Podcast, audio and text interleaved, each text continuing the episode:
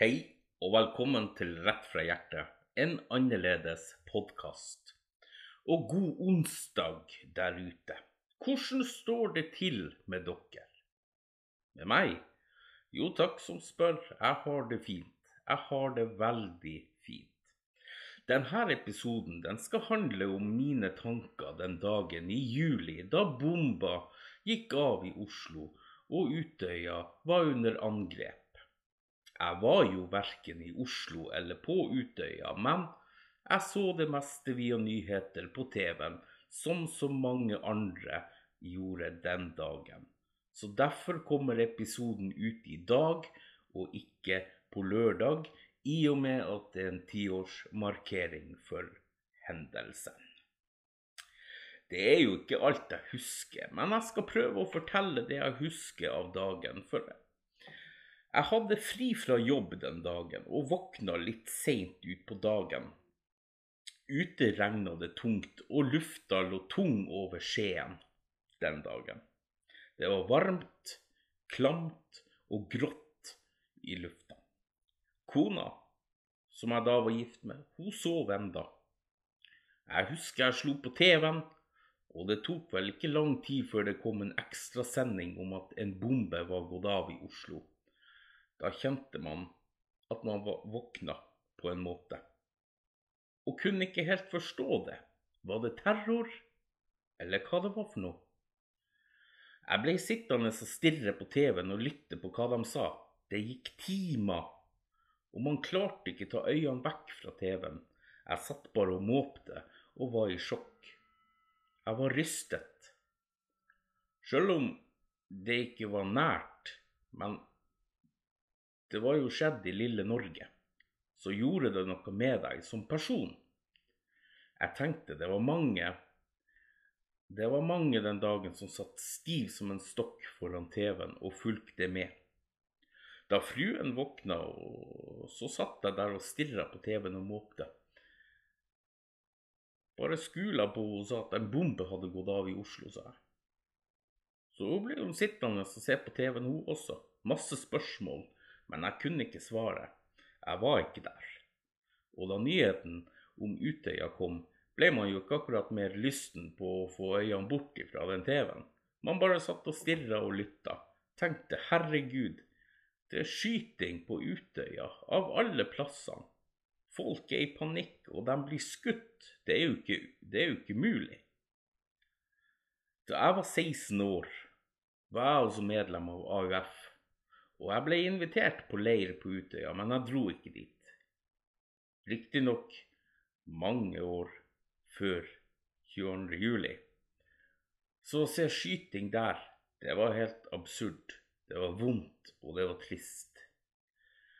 Følte man ble sint, forbanna og lei seg, og tankene om hvem og hvorfor, det fløt i hjernen på meg. Som sikkert hos så mange andre. Men i alle fall hos meg. Jeg husker vi satt hele dagen og bare fulgte med på alt som skjedde.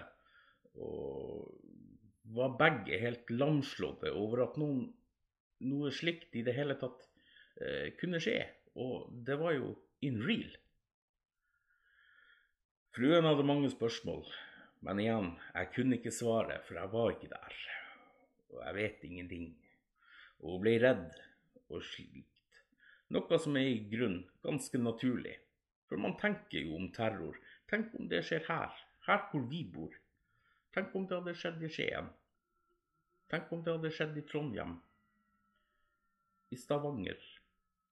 Det er jo sånn man tenker. Tenk om det blir krig, osv., osv. Mange spørsmål, men ingen svar. Jeg sa vel noe sånt som at det skjer nok ikke, skal du se. Det gjør det nok. Men selv om man ikke var i Oslo eller på Utøya som personlig, så er man jo utrolig nok et menneske som ser, hører og har følelser og sympati. Så det stikker jo litt i hjertet å være vitne til sånne ting, selv om det bare er på TV-en. Og det er trist og vondt å tenke på. Tenk om man faktisk var der. Tenk om man var der. Noe man i, i bunn og grunn er glad for det ikke var tilfellet, men tankene triller jo. Og det hatet mot den som gjorde det, mot uskyldige unge på en øy. For man fikk jo et hat når man fikk se hvem det var, likevel som man følte sorg og medfølelse overfor dem som mista liv, overlevde og var fysisk vitne til alt det her, pårørende osv. Det var mange tanker og spørsmål, men igjen, det var ingen svar. Og svaret, det kom jo etter hvert. Jeg vet ikke hvor mange dokumentarer jeg har sett fra 22. juli. Jeg har til og med lest bøker. Og bøker, det er det ekstremt sjelden at jeg leser. Jeg har sett filmene fra hendelsen. Å ja, det stikker like vondt i hjertet hver gang. Det er bare, det er bare grusomt og trist. Fordi, se for dere det samholdet som oppsto den dagen over hele landet. Vi sto sammen, sammen mot en grusom handling. Oslos gater var stille i dagene etter 22. juli. Det var ingen folk i gatene, bortsett fra dem som var på jobb. Alt var stengt i Oslo i uka etter. Og det var med tanke på flere angrep og også at det skulle være redningsarbeid. Man så at det ble mer og mer blomster utenfor domkirka i Oslo. Og så mange som bare var der for å minnes, sørge. Vanlige menn i gata stilte opp og gråt, viste medfølelse og sørga med de pårørende. Et sitat som ble nevnt mange ganger, var når en mann kan forårsake så mye ondt, tenk hvor mye kjærlighet vi kan skape sammen. Og det er sant. Det er så sant, og det ble jo også bevist. Jeg som satt hjemme og så alt på TV-en, ja, jeg fikk klump i halsen den dagen. Jeg skal innrømme det, jeg gråt litt den dagen. Det tør jeg å være mann, å innrømme, og jeg viste min medfølelse på min måte, for det var noe som berørte hele landet, det her. Jeg syns ikke det er så veldig gøy å snakke om den dagen, men likevel så er det så utrolig viktig å snakke om det, på mange måter. Men jeg skal ikke komme med noen politiske ord her og nå. Det skal jeg ikke. Og det er så trist å være inne på TikTok i dag og se alle videoene som er posta uh, eh, om 22. juli, sjøl om det også er fint å se på.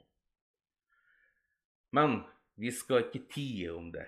Vi skal heller ikke glemme, men alltid huske dagen der Norge sto stille, og våre tanker går til de etterlatte og overlevende av 22. juli.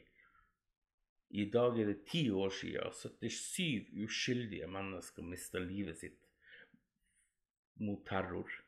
Ti år siden Norge sto sammen mot terror. Ti år siden Norge sto stille. Og det skal markeres i dag over hele Norge. Så nå tenkte jeg å følge med på NRK resten av dagen og glatte litt innom sommerskuta minutt for minutt av og til.